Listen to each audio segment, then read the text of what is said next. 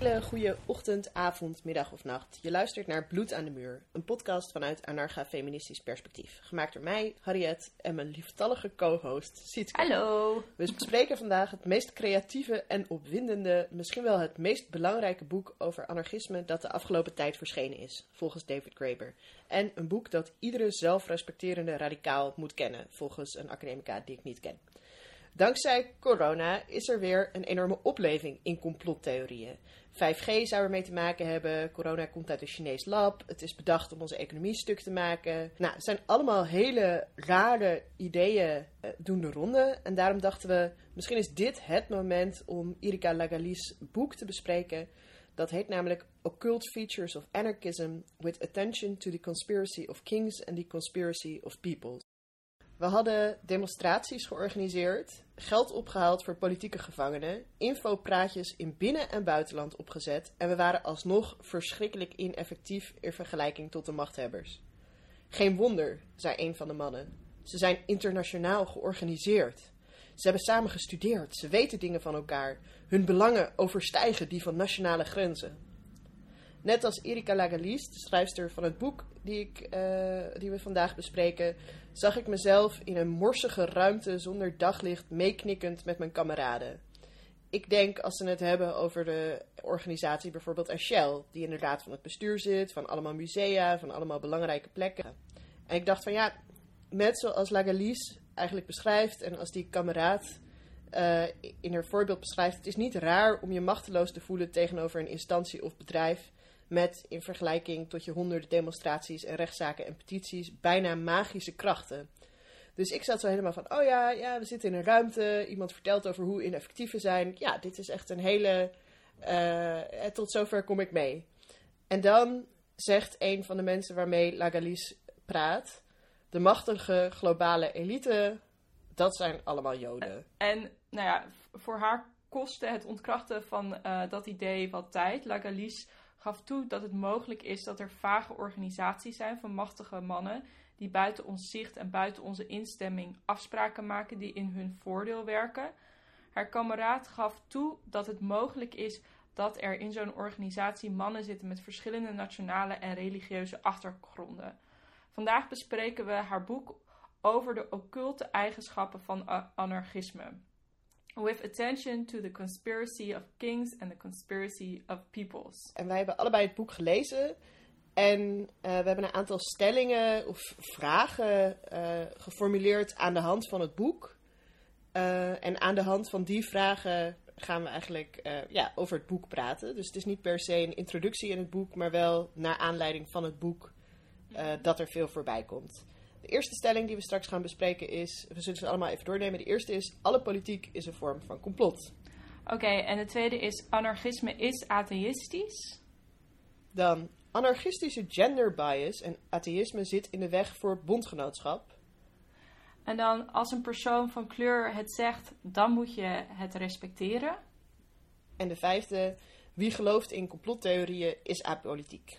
Nou ja, dit is uh, zonder twijfel een heftige versimpeling van het boek. Om het nog wat mooier te maken, ook weer een jargonbingo. Uh, degene die alle termen van de juiste uh, uitleg voorziet en aan ons terugstuurt, krijgt een prijs. Het eerste woord is metafysica, dan manarchist, stropdaselite, hagedissen, radical imagination, schaamlipverkleining, 5G, gender bias en uh, het laatste woord gatekeeping. Stelling: alle politiek is een vorm van complot. Maar de vraag moet zijn: van wie en waartoe? Sietske. Toen ik deze vraag eigenlijk zag, of deze stelling, uh, dan denk ik dat dat ook wel heel erg onderdeel is eigenlijk dat wij uh, in alle politiek uh, complot, uh, complottheorieën zien ook wel echt heel erg onderdeel van onze cultuur is. Als je bijvoorbeeld naar uh, alle series en documentaires op Netflix kijkt, dan is denk ik meer dan de helft gebaseerd op complottheorieën. Het is eigenlijk ook al zo oud als de weg naar Rome dat er complotten zijn. Denk maar aan nou ja, Julius Caesar en Brutus. Hij noemt eigenlijk daadwerkelijk complotten of een soort van dingen die, die zeg maar conspiracy gekkies zouden met recht zeggen van, oh ja, Brutus die Julius Caesar vermoord, dat was een complot. Maar ik dacht eigenlijk van, vanuit het boek en vanuit hoe ik hem had opgeschreven, dacht ik eigenlijk van ja, maar ook als er niet een soort van complot achter zit in de, de zin waarin we denken over complottheorieën, ook dan is politiek een complot. Van mensen die op de VVD stemmen, die doen dat omdat ze een hypotheek hebben en graag willen dat de hypotheekrenteaftrek daar blijft. Uh, en misschien sprenkelen ze geen bloed van hun eerstgeboren dochter uh, in een maanlandschap. Nou ja, whatever. Doen ze dat misschien niet. Maar het is wel degelijk een soort van samenzwering om hun eigen belangen in stand te houden. Uh, ja, dat is sowieso. Ik denk dat inderdaad heel veel politiek geënt is op eigen belang. Dat, dat sowieso. En um, dat ook dat eigenlijk dat samenkomen van, uh, van uh, mannen in, het, in, het, in het geheim, dan denk ik soort van dat. Um, of die buiten ons zicht en buiten onze instemming afspraken maken. Ja, dat is eigenlijk niet eens zo heel erg buiten ons zicht. Want dat gebeurt gewoon. Bijvoorbeeld, volgens mij op de Dam is, is de industriële club. Um, maar er zijn natuurlijk veel meer van dat soort, soort clubs. Uh, waar je via een soort van ballotage binnen moet. En die eigenlijk heel ontoegankelijk zijn. En dan denk je natuurlijk ook de Tweede Kamer en achterkamertjespolitiek. Dus ja, dat is gewoon heel erg onderdeel ook wel van uh, ons systeem en hoe onze cultuur. En dat, dat, daarom haalde ik Netflix aan en Julius Caesar. Het is ook heel erg deel van onze uh, cultuur om zeg maar overal waar uh, politiek is ook wel een complot aan, vast te, aan vast te verbinden. Dus het zit er zo van, het zit in het systeem en het zit in onze verhalencultuur eigenlijk. Maar het is, ik, ik vind het gek dat er een soort van wel een stap tussen zit. Want jij doet nu, ik weet niet, het klinkt zo van, oh, het zit in ons systeem en in onze verhalencultuur. Het is volkomen normaal dat alle politiek een complot is. Terwijl als, als je. Maar ik heb juist het idee dat het een soort van niet normaal is om te zeggen dat politiek een complot is. En dat die verhalen zo heel duidelijk fictie zijn. Of dat mensen tegen elkaar vertellen van zo werkt de politiek niet, zo werkt de wereld niet. Het, het, het, het is allemaal goed. Terwijl ondertussen er wel degelijk, uh, het wel degelijk een soort van dingen, ja, niet per se allemaal zo transparant zijn en doorzichtig als we denken. Ja, dat, ja, nee, het is inderdaad, het is twee, wat je zegt nu, het, er is, het is tweezijdig. Dus aan de ene kant is het gewoon eigenlijk heel erg zichtbaar in, onze, in ons systeem en in onze cultuur dat er gewoon uh, achterkamertjes uh, politiek is. Uh, dat er clubs zijn waar je niet zomaar binnen kan komen. En dat, dat er, ja, weet je wel, dat, dat er dingen afgesproken worden en beslist zonder dat, dat daar.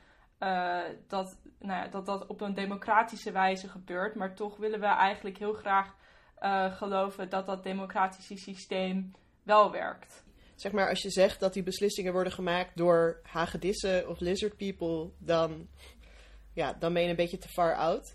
Maar ik denk dat als je zegt dat die beslissingen worden gemaakt door een soort van stropdas-elite of zo, dat het dan nog best wel uh, kan kloppen. En een van de dingen in het boek die ze dan ook zegt, is zo: moderne politiek is een vorm van theologie en magisch ritueel. Uh, wat in eerste opzicht natuurlijk ook een beetje far out lijkt. Van wat is er magisch ritueel aan politiek?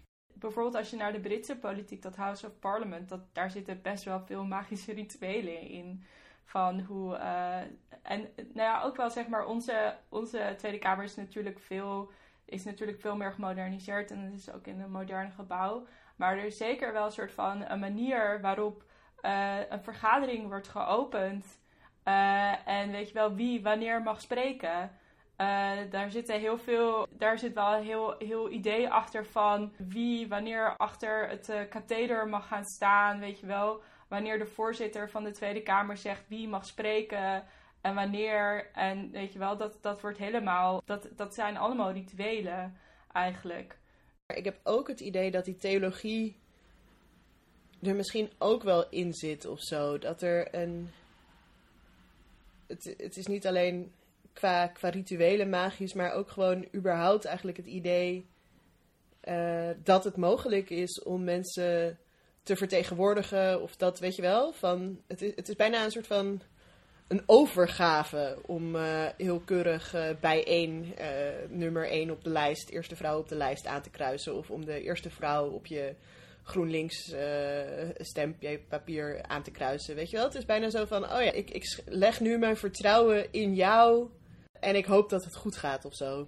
Ja, nee, dat klopt ook wel. Dat is, ik denk dat ook um, anarchisten die uh, het idee aanhangen van uh, dat je, uh, ja, als je anarchist bent, dat je eigenlijk niet stemt.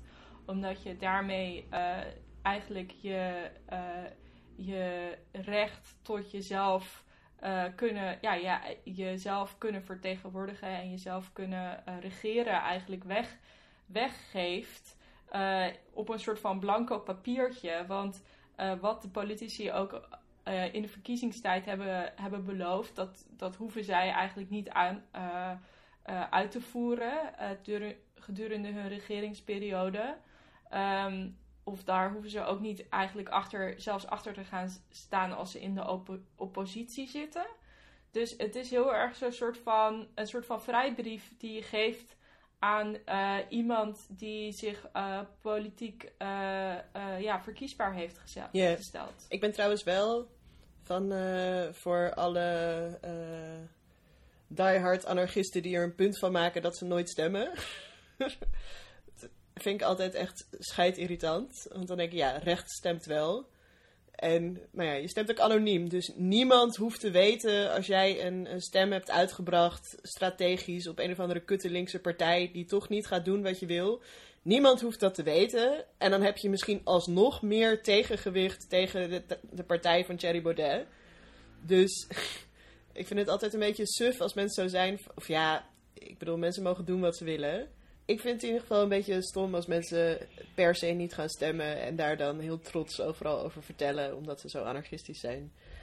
Um, van, dan denk ik, ja, oké, leuk. Volgende stelling. Ja, anarchisme is atheïstisch. De zelfconceptie van veel anarchisten is: we zijn atheïstisch. Van een van de slogans is natuurlijk no gods, no masters. Dus het idee dat anarchisme rationeel is, uh, seculier, uh, dat iedere vorm van in ieder geval institutionele religie uh, afbreuk doet aan je anarchisme en ook een vorm van onderdrukking met zich inhoudt. En dat geloven in een, een, religieuze entiteit of in een god of zo uh, eigenlijk afdoet aan je eigen soevereiniteit, omdat je aan iets hogers een soort van verantwoording aflegt of denkt dat dat invloed heeft.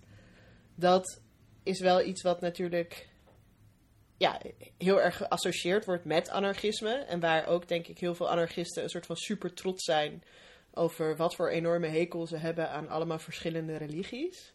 Dat ze er ook zelfs een beetje um, terughoudend zijn of uh, ja, een beetje bang als je er wel mee aan komt zetten. Dus dat, dat is, of dat heb ik wel eens gemerkt.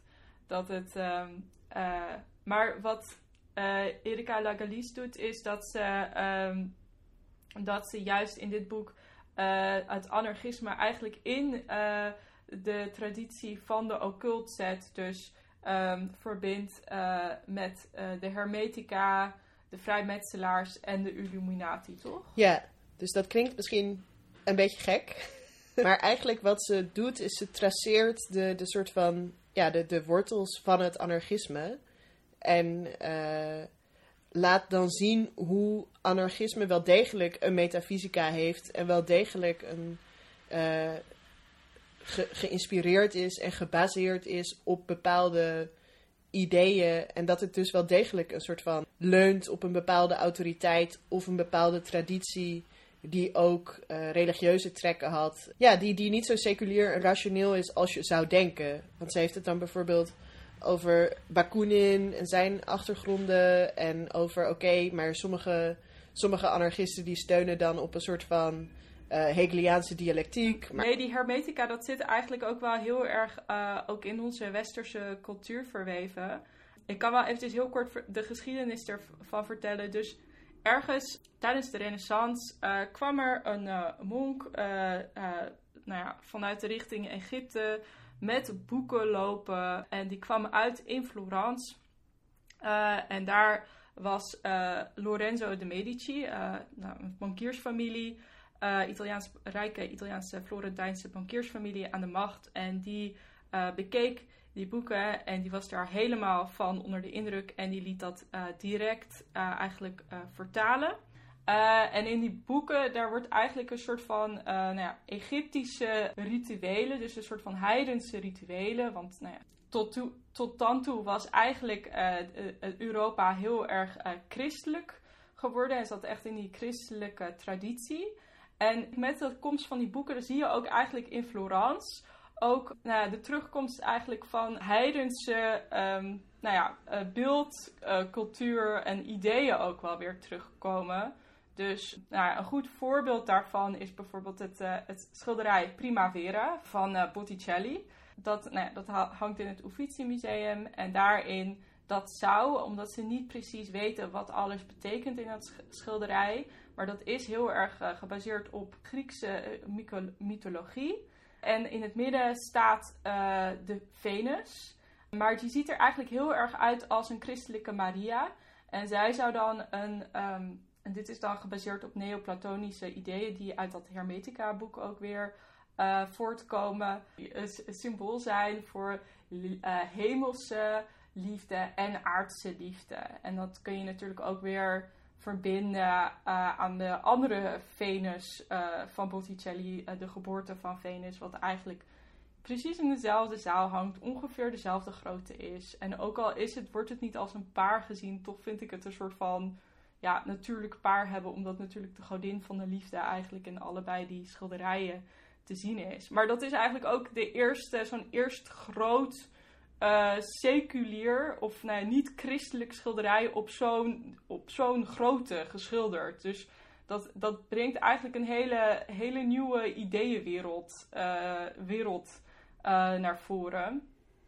En dan krijg je dus ook um, nou ja, clubs zoals de vrijmetselaars en, en de Illuminati, die eigenlijk die ideeën gaan, ja, in, hun, in hun club gaan verder denken. En daar ja, zitten ook wel ideeën in, uh, nou ja, hele humanistische ideeën in, ook wel echt verlichtingsideeën in. Um, een, van die, een van de bekendste leden van de vrijmetselaars is bijvoorbeeld uh, Wolfgang Amadeus Mozart. En er is wetenschappelijke consensus dat uh, Mozart, heel, die Zauberfleuten, dat verhaal dat daar heel veel symboliek van de vrijmetselaars uh, in, in zitten. En dat de vrijmetselaars ook wel boos waren dat hij die symboliek uh, in die opera heeft gedaan. Dus er zitten heel veel uh, drie dingen in. Ja, nou, maar even terug naar, terug naar, de, terug naar de anarchisten. Want ik denk dat de diehard boze anarchist die dit hoort... Zo van, oké, je ging het hebben over Bakunin, maar Bakunin is gewoon atheïstisch hoor. Wat, uh, wat, wat praat je over Mozart?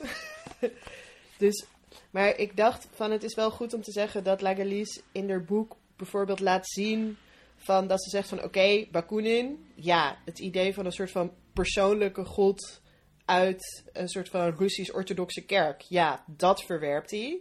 Maar hij heeft het wel over een soort van pantheïstisch. Uh, hij heeft wel een soort van pantheïstisch wereldbeeld wat hij voorstaat. En hij heeft het bijvoorbeeld, uh, haalt een, een, een, brief aan aan zijn zus. Uh, waarin hij schrijft van laat religie de basis en de realiteit van je leven en handelingen zijn. Um, dus wat dat betreft van ook dat ik denk dat het ook wel goed is om te zien dat ook en ook over Proudhon heeft ze het dan ook van dat hij God als universeel equilibrium ziet en zo. En ik denk dat het goed is om te zien van ook al verwerpen uh, ja, de, de, de soort van de voorvaderen van het anarchisme, ook al verwerpen die dan uh, ja, institutionele religie of een soort van alwetende vader die op je neerkijkt, dat ze nog best wel vage, spirituele, alles is verbonden uh, of goddelijke krachtelementen wel nog hadden. Ja, ja dus dat, dat hele. Dus eigenlijk meer een soort van uh, heidense religies. Die, weet je wel, de natuurreligies. Um, maar dat dat dus niet institutioneel was. Dus. En dat is ook wat je eigenlijk terugziet in, in, de, in die ja, hermetica en die vrijmetselarij uh, ideeën. Dat is gewoon gebaseerd op ja, Egyptische rituelen. En dan, ik weet niet, dan zegt ze op een gegeven moment van het feit dat Marx, want ze, ze heeft het dus zowel over Bakunin die voortbouwt op Hegel, maar dan vanuit het negatieve in plaats van het positieve, en over Marx en mensen die zich afzetten tegen Marx, maar nog steeds Hegeliaanse dialectiek uh, aanhangen. En dan zegt ze het feit dat Marx voortbouwt op Hegel en dat Hegel voortbouwt op hermetica, betekent niet per se dat het fout is of dat, dat het dus niet klopt. Maar het betekent dat een heel groot deel van de rationele sociale theorieën gebaseerd zijn op archetypes en uh, ja, een soort van geometrische berekeningen die komen van hele specifieke historisch gesitueerde kosmologie. En dat ook het begrip rationaliteit zelf eigenlijk uit een hele specifieke gesitueerde kosmologie komt. Ja, ik, om eerlijk te zijn, als ik het zeg maar, als ze het, de eerste zin waarin ze eigenlijk hermetica ook omschrijft over een soort van de mens als een soort van een, een kosmologie in zichzelf, is dat volgens mij, dat doet je ook eigenlijk direct, of mij direct ook denken aan um, nou, die beroemde tekeningen van Leonardo da Vinci van de Vitruvische man. Dat is uh, nou ja, dus inderdaad een man die zowel in een rond als in een rondje als in een vierkantje past. Maar dat is eigenlijk juist eh, dat hele idee van die homo universalis. Dat zit eigenlijk heel erg in dat, dat um, ja, die renaissance um, magie verweven. En dat heeft nog steeds zeg maar, invloed op onze ja, hedendaagse cultuur, op ons hedendaags denken, denk ik. Dus weet je wel, het is niet zo, het zit er sowieso in. Maar ook bijvoorbeeld, als we bijvoorbeeld denken aan het uh, concept van vrije liefde, wat ook door heel veel anarchisten uh, aan het begin, uh, eind van de 19e eeuw, begin van de 20e eeuw gepropageerd werd. Dat was eigenlijk ook gewoon gebaseerd ook op heiden, heidense ideeën over een soort van ja, liefde en ja, dat iedereen zonder ja, institutioneel trouwen toch weet je wel, met elkaar verbonden kon zijn naast een verwerping van bourgeois normen en de autoriteit van de mhm. staat en de kerk. Wat natuurlijk heel logisch is om te denken bij vrije liefde en niet trouwen. Dat het misschien ook wel een soort van rare pantheïstische, we staan allemaal verbonden, liefde kan stromen, liefde is ondeelbaar, alles is natuur, soort van idee achter kan zitten. Oké, dus de Volgende stelling is: anarchistische gender bias en atheïsme zit in de weg voor bondgenootschap. En dat is eigenlijk dat het hele idee wat we hiervoor bespraken over anarchisme is atheïstisch. En dat dat misschien niet klopt, maar dat dat ook bondgenootschap in de weg zit. In de zin van, Lagalice beschrijft, beschrijft hoe ze uh, voor haar onderzoek bij verschillende anarchistische collectieven die solidariteitswerk doet, een soort van, uh, ja, daarbij is of daar onderzoek naar doet. En dat solidariteitswerk is bijvoorbeeld uh, geld ophalen voor politieke gevangenen. Of projecten van de Zapatistas ondersteunen. Of gedwongen sterilisatie van vrouwen in Mexico tegengaan. Of pijpleidingen die gebouwd worden, fossiele industrieprojecten. Dat er zeg maar vanuit een westers land, tussen aanhalingstekens, uh, een, een, een, project ergens anders gesteund wordt.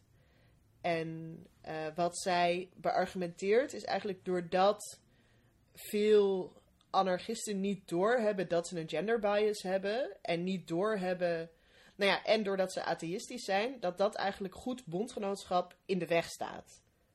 En het, het, dat hangt eigenlijk ook samen met de volgende stelling. Um, want ze komt met een voorbeeld over een inheemse activiste uit Mexico, Magdalena, die samenwerkt met anarchisme voor een infotour over gedwongen sterilisatie.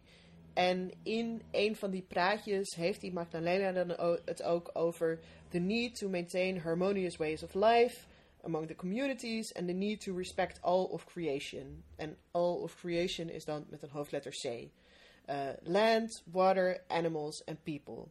En in die infotalk stuitte dat best wel veel op weerstand bij de doorgewinterde anarchisten.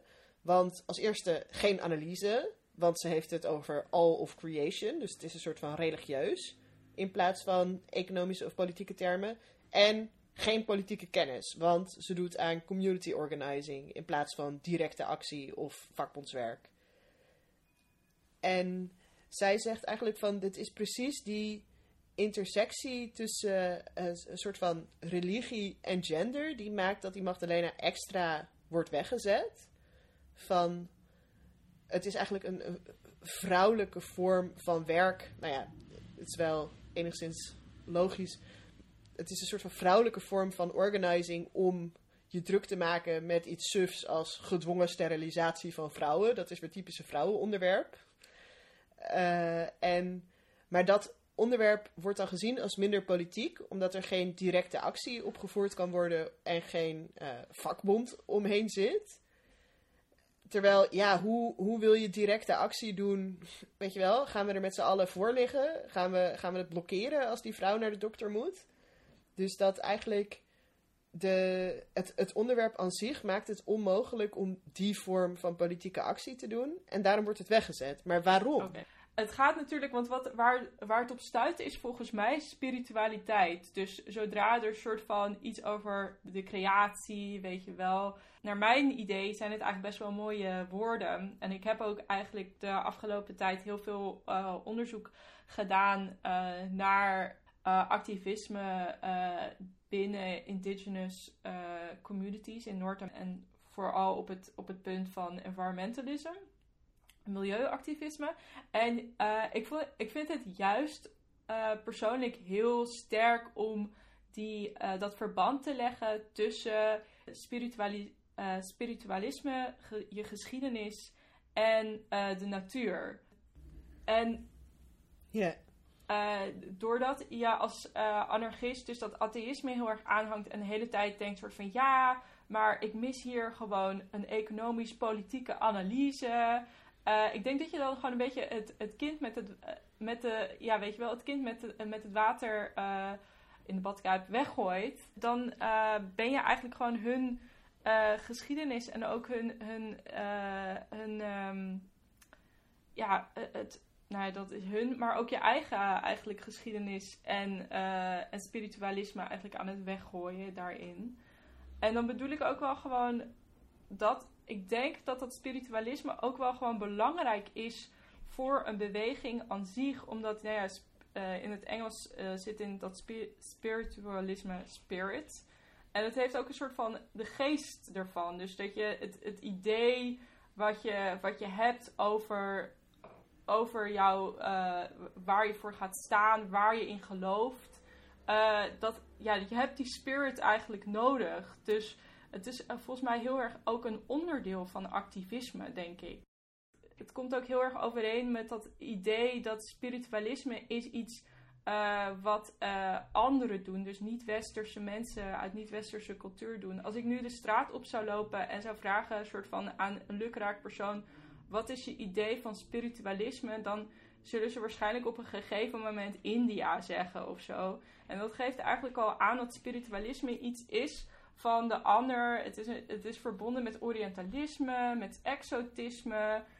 Ja, anarchisme, anarchisten doen er in ieder geval ja, niet aan. En dat, en dat maakt het, ja, en, maar ook gewoon de hele westerse beschaving. En als er dan spiritualisme is in onze westerse beschaving, dan is dat door het kapitalisme heel erg gecapitaliseerd. Dus dan moet je echt denken aan een soort van. Maar ook bijvoorbeeld mensen die kruidenpotjes kopen voor 50 euro. Of uh, die, die bij een cult gaan waar, waar ze heel veel geld aan moeten betalen. Dus dan, of weet je wel, een of andere meditatie uh, ding doen. Ja, ik dacht misschien, misschien is het ook wel goed omdat het zo, uh, de stelling is dan zo van anarchistische gender bias en atheïsme zit in de weg voor bondgenootschap. Maar ik bedacht me dat ik nog niet echt had uitgelegd waarom bijvoorbeeld best wel veel anarchisten zijn geobsedeerd met de Zapatistas en geobsedeerd met bijvoorbeeld Rojava. of Rojava, van oké, daar gebeurt het. En ik denk dat dat misschien wel goed is om toe te lichten van oké, hoe komt het dat de beweging daar zo naar kijkt? Uh, en ik denk dat dat is omdat, uh, omdat er op die plekken een samenleving wordt gesticht die inderdaad los van de staat staat. Dus waar het op een andere manier gebeurt. Waar de, de Zapatistas zitten natuurlijk zo van: oké, fok, uh, fok de Mexicaanse overheid. Rojava die maakt zich helemaal los van een soort van de bestaande structuren en zet het zelf op. En ik denk dat dat een soort van heel erg aantrekkelijk is van oké, anarchisme of uh, zonder, zonder staat jezelf organiseren kan echt. Weet je wel, het gebeurt. Het, op deze plekken kun je gewoon anarchisme Mhm. in werking zien. En dat is denk ik dan een groot probleem als je dat ziet van oké, op deze plekken zie je anarchisme in werking. Als je anarchisme puur en alleen ziet als no gods, no masters.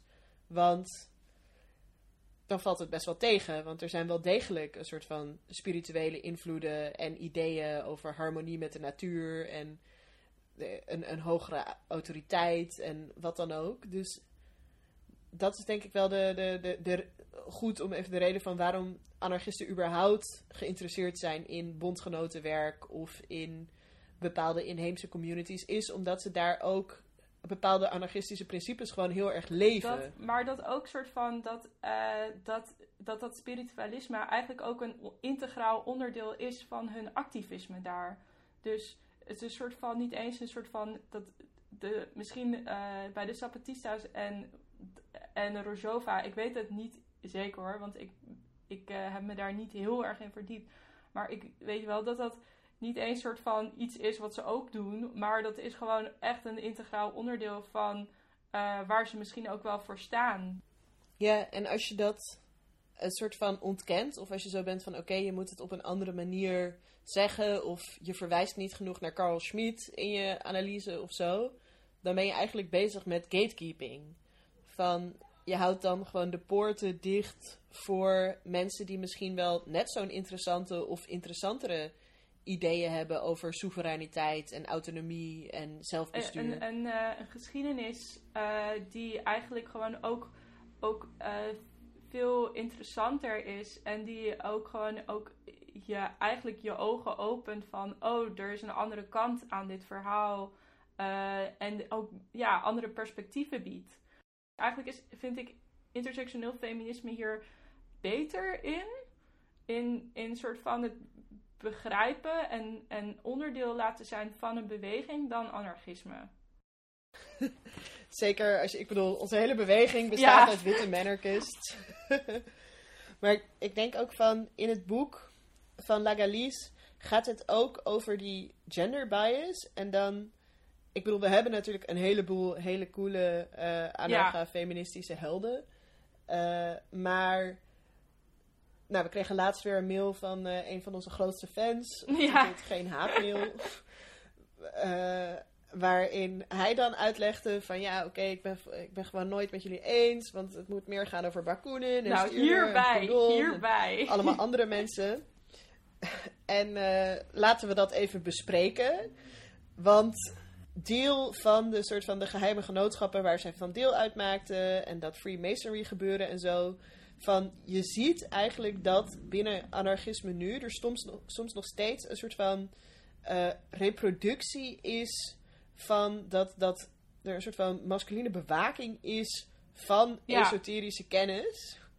In de zin van dat, dat, dat er een soort van wordt gegatekeept van oké, eh, jij, jouw uitleg over Bakunin is niet goed genoeg. Of dat je een, een gesprek hebt over wat gaan we blokkeren of hoe gaan we een actie opzetten, hoe komen we aan geld. En dat dat dan verzandt in een soort van discussie over de Tweede Internationale. En dat als je daar niet goed genoeg over meepraat, eh, dat je dan geen goede anarchist bent.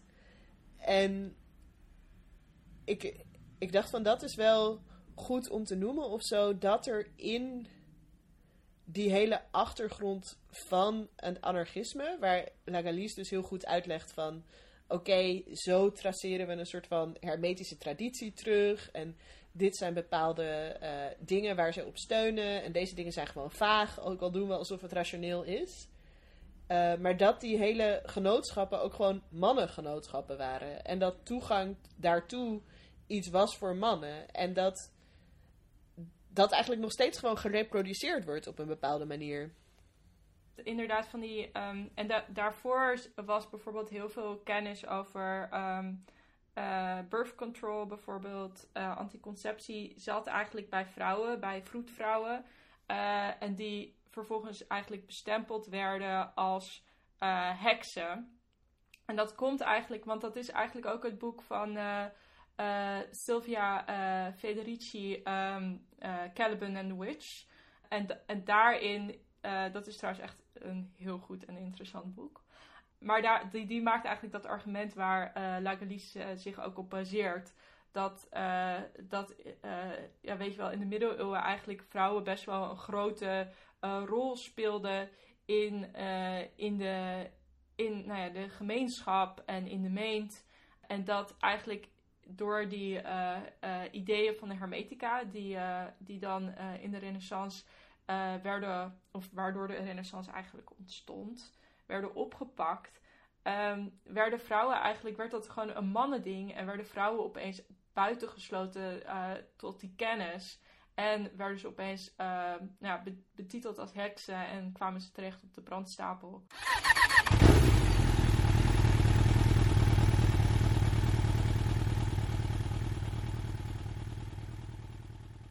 Als een persoon van kleur het zegt, dan moet je het respecteren. Want Lagalice die um, heeft op een gegeven moment dat ze in een academisch artikel dat, dat stukje over die Magdalena uh, vertelt. Dus van een inheemse activiste. En dat daar zo vreemd op gereageerd wordt door een soort van die atheïstische en gender bias. Van oh, het is niet echt de politiek, het klopt niet. En daar schrijft ze dan over. En dan zegt ze van er moet meer aandacht komen uh, voor de huidige en vroegere overeenkomsten tussen secularisatie, kolonialisme en gender. En dat kan zowel uh, wetenschap ten goede komen als ook anarchistisch solidariteitsactivisme ten goede komen. En wat een reactie was waar ze op een gegeven moment echt helemaal, uh, ja, helemaal genoeg van had, was dat er gezegd werd van, oh ja, je hebt helemaal gelijk je moet een persoon van kleur ook met respect behandelen. Want dat is nou eenmaal haar religie. En dat het eigenlijk zo. En daaruit spreekt eigenlijk van. Dit is een totaal achterlijk idee.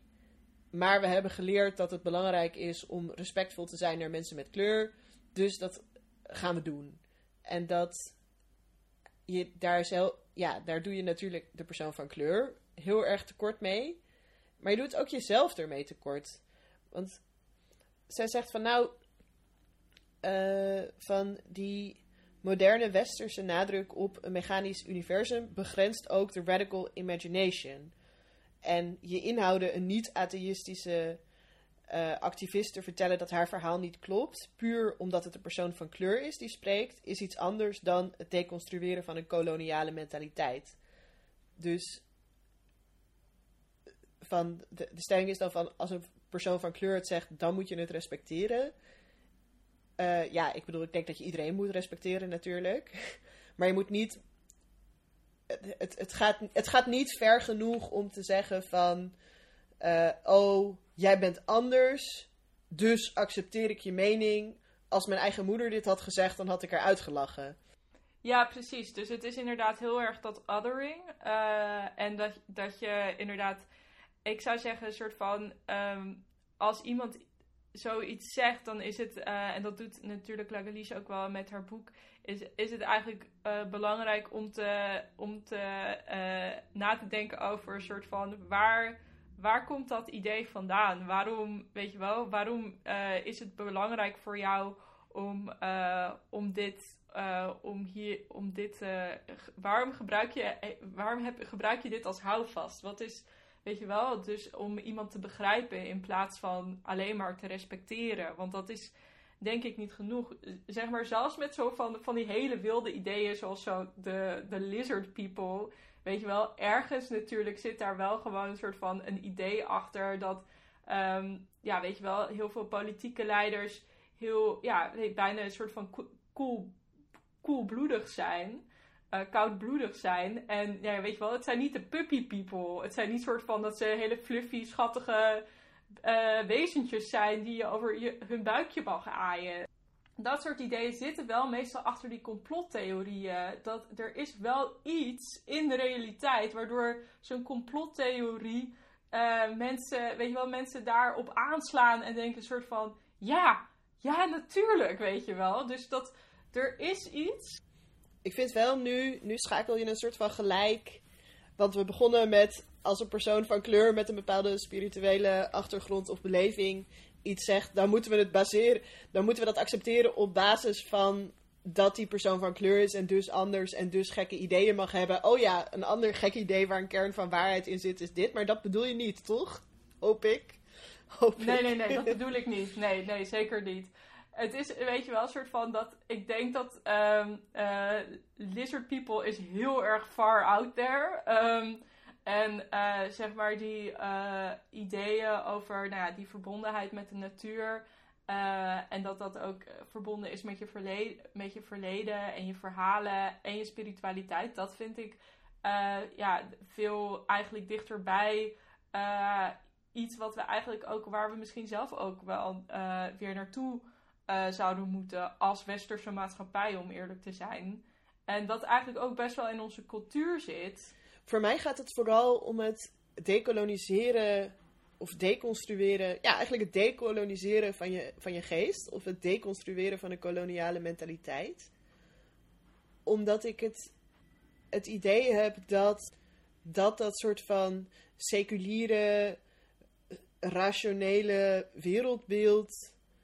Uh, dat dat niet alleen mensen van kleur tekort doet, maar dat dat ook in die zin jezelf tekort doet. En ik weet, ik weet eigenlijk niet precies hoe het deconstrueren van een koloniale mentaliteit in zijn werk gaat.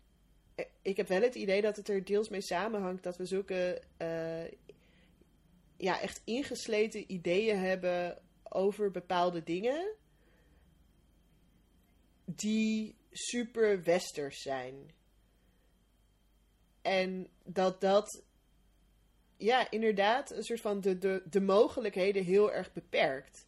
Wat je ook ziet bij sommige activisten, zo van, oh ja, we gaan stoppen met producten van Dove kopen of zo. Van, dat er zulke, zulke, dat er zo weinig mogelijk is in het activisme dat je kan doen, of hoe de wereld eruit kan zien. Ja, ik denk dat inderdaad dat, dat uh, wat je zegt ook wel die verbeelding uh, om, om weet je wel eh, dingen op een, een andere ludieke, speelse manier aan te pakken ook wel heel erg in de weg zit. Natuurlijk, weet je wel, dat ik ook zeg soort van er zit wel spiritualiteit in onze westerse cultuur. Dat, dat is, ja, dat, nou ja, ik sta natuurlijk heel dichtbij beeldende kunst, maar dat zit ook heel erg in onze beeldende kunst, beeldcultuur, films, weet je wel. Er zit heel veel um, ja, ideeën en, en, en heel, heel veel rijke ideeën zitten daarin. Uh, en als je dat soort van, als je alleen maar heel sec gaat kijken naar alleen maar uh, Bakunin en Kropotkin, ja, en Marx dan, en Engels, en dan weet je wel, een soort van, ja, dat, dat is allemaal, ja, en Stirner. En Proudhon. En Emma Colton. Maar het is ook een beetje droog op een gegeven moment, kan ik me voorstellen, weet je wel. Dus het is ook wel een soort van, om daar... En ik snap, weet je wel, ergens snap ik ook wel uh, hoe anarchisme zo gevormd is dat het heel erg anti-religie is. Ik bedoel, ik wil echt niet mensen een soort van het dogma van gereformeerde kerk uh, gaan propageren hier of zo. Juist helemaal niet. En natuurlijk dus dat spiritualiteit en magie is gewoon heel erg gecapitaliseerd, weet je wel. Als, als je denkt soort van, waar is nu de magie in onze, in onze samenleving? Ja, The Magic Kingdom in Disney World? Ik weet het niet. Dus het is, weet je wel, dus uh, het is ook heel erg soort van... Mensen hebben wel, denk ik, gewoon zo intern een, een noodzaak om gewoon in ja, naar magie, naar uh, mysticisme. dat zit er gewoon wel ergens diep in, in de kern. Maar dat, dat is wel, ja, soort van in onze westerse cultuur zijn we daar best wel van los, losgezongen. Als we in, in eerste instantie iemand vragen die een, een goed en een mooi verhaal houdt. En, en, en ook een goed verhaal houdt over waarom ze gesteund moet worden in, uh, in uh, nou ja, schaamlipverkleining. Als we dan zeggen, soort van ja, maar wat is de. Kun je daar nog een economisch-politieke analyse aan vastknopen? Want anders dan. dan, dan kunnen we hier niks mee. Ben jij klaar voor de volgende stelling? Wie gelooft in complottheorieën is apolitiek. Ja, wat vind jij? Is... ik denk dat complottheorieën heel politiek zijn eigenlijk. Voor ik dit boek las, dacht ik dus eigenlijk ook een beetje zo van... Oh ja, mensen die in uh, lizard people geloven. Um, ja. Ja, wat moet ik daar nog mee doen? Of zeker ook hoe ze aan het begin van het boek beschrijft ze dus die scène van dat ze alles geprobeerd hebben en dat de ander gewoon te machtig zijn en dat dat een Joodse elite zou zijn. En ik, ik had voor ik dit las eigenlijk dat ik een beetje dacht van ja, mensen die geloven dat Soros een Joods complot heeft om de wereld over te nemen, ja, daar ga ik niet mee in discussie.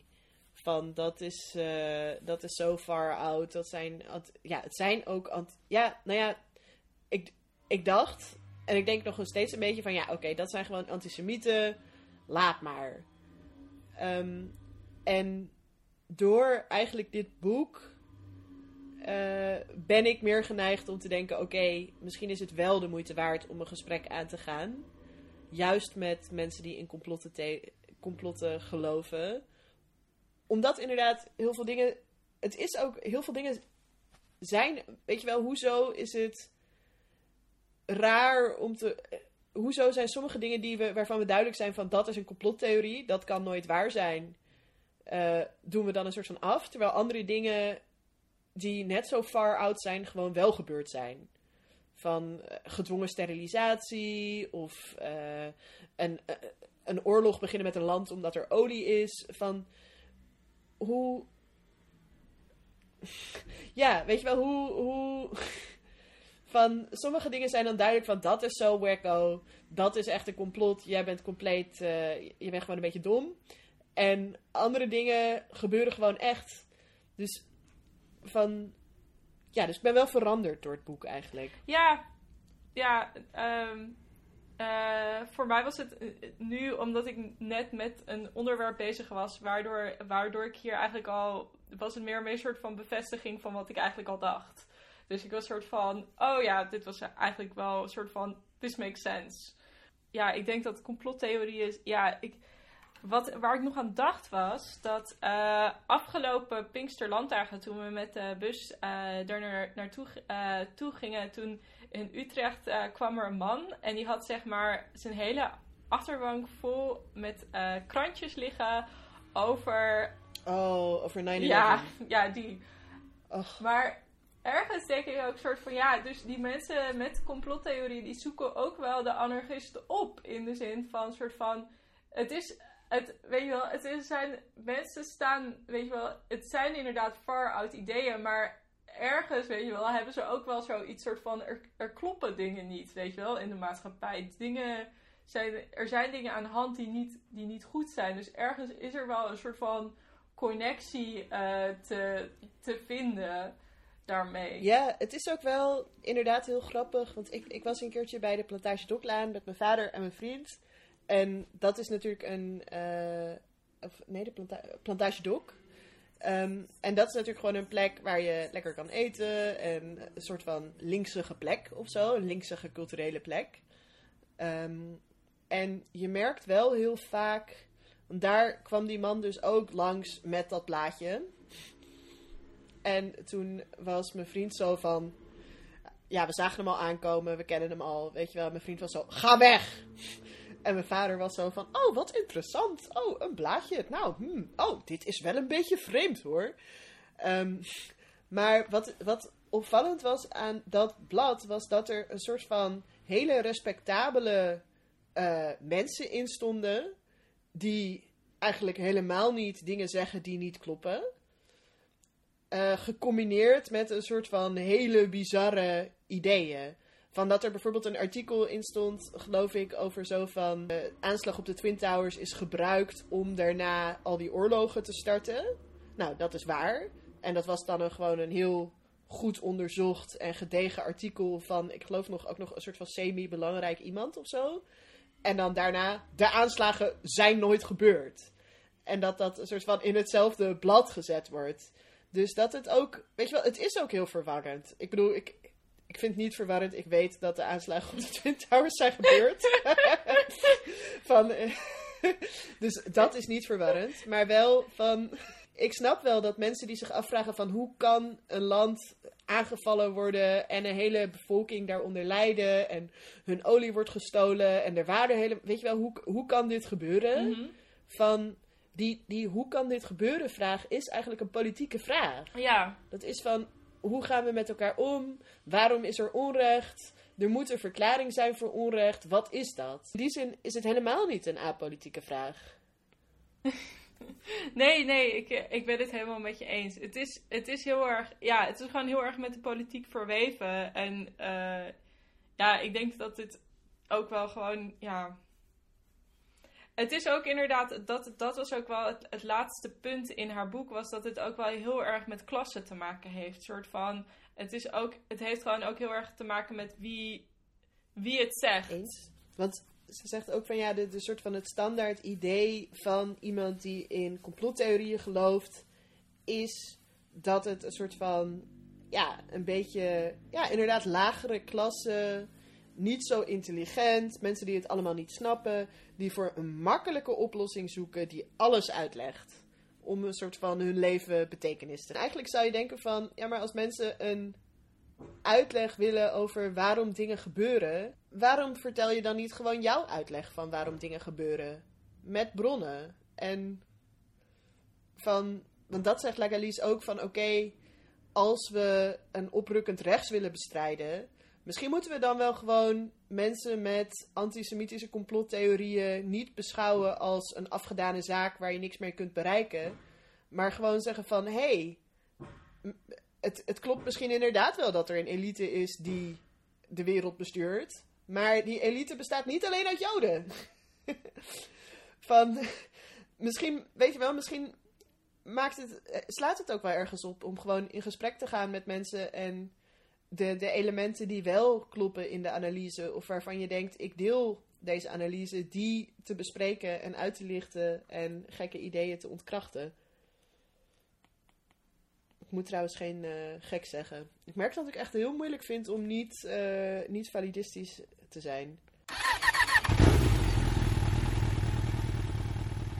Oké, dan zijn we nu aangekomen bij de aanraders, dus bij het laatste deel van de podcast. En als eerste is dat natuurlijk lees dit boek.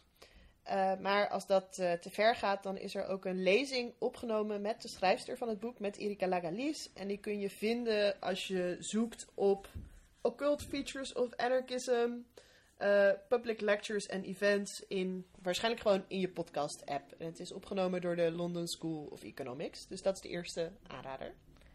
Um, ja, en dan uh, noemde ik het eigenlijk al in deze podcast. Het boek uh, Caliban and the Witch van uh, Sylvia Federici is echt een heel goed boek om te lezen als je meer over heksenjachten wil weten in de tijd van de renaissance. Ja, en dan heb ik nog een aanrader, en dat is ook een beetje zelfpromotie van de plek waar ik werk, Nieuwe Fide.